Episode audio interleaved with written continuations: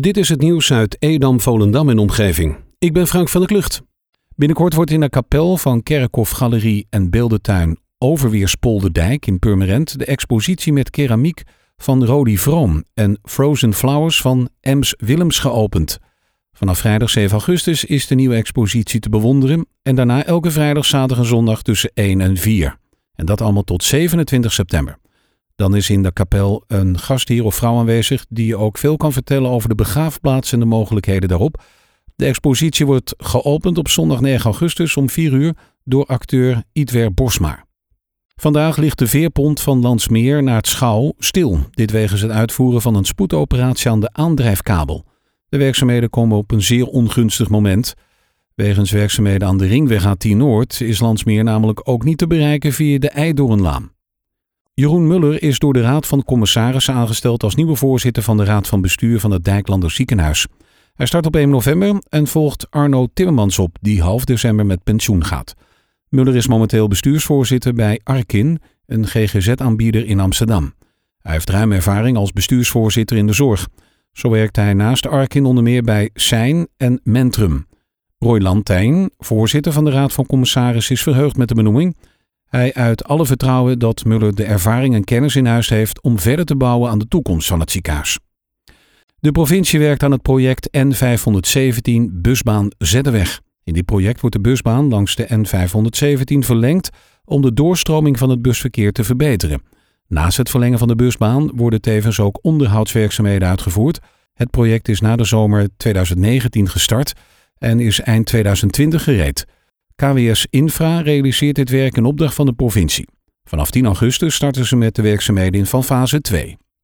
De Nationale Duurzame Huizenroute gaat deze zomer ook in Landsmeer op zoek naar het duurzaamste huis van Nederland. Met de verkiezing wil de organisatie huiseigenaren de waardering geven voor hun prestaties op het gebied van duurzaam wonen. Daarnaast is het een kans om anderen te inspireren om zelf ook aan de slag te gaan.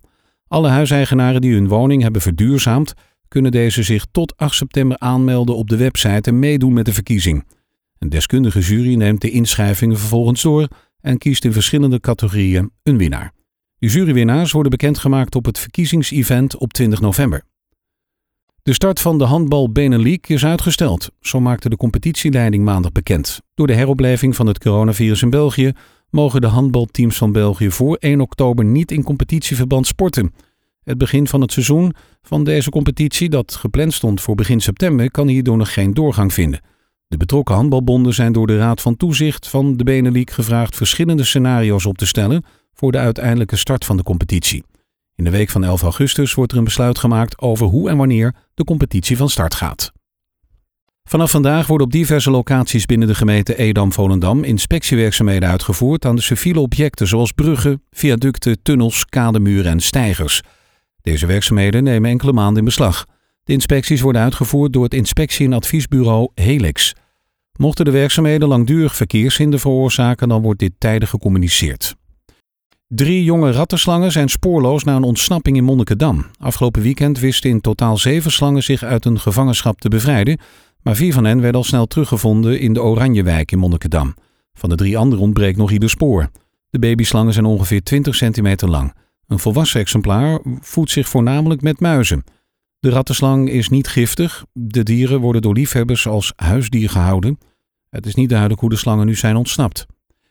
IJsclub De Ondersteuning en GV Hercules organiseren voor alle kinderen uit Middelie een sportdag op zondag 16 augustus. Om mee te doen aan deze sportieve activiteit maakt het niet uit of je wel of geen lid bent van de vereniging.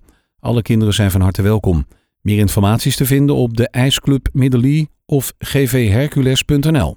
Ze houden zich aan de coronarichtlijnen zoals het door RIVM wordt voorgeschreven, waaronder de anderhalve meter afstand. Tot zover het nieuws uit Edam, Volendam en omgeving. Meer lokaal nieuws vindt u op de Love Kabelkrant, onze website of in de app.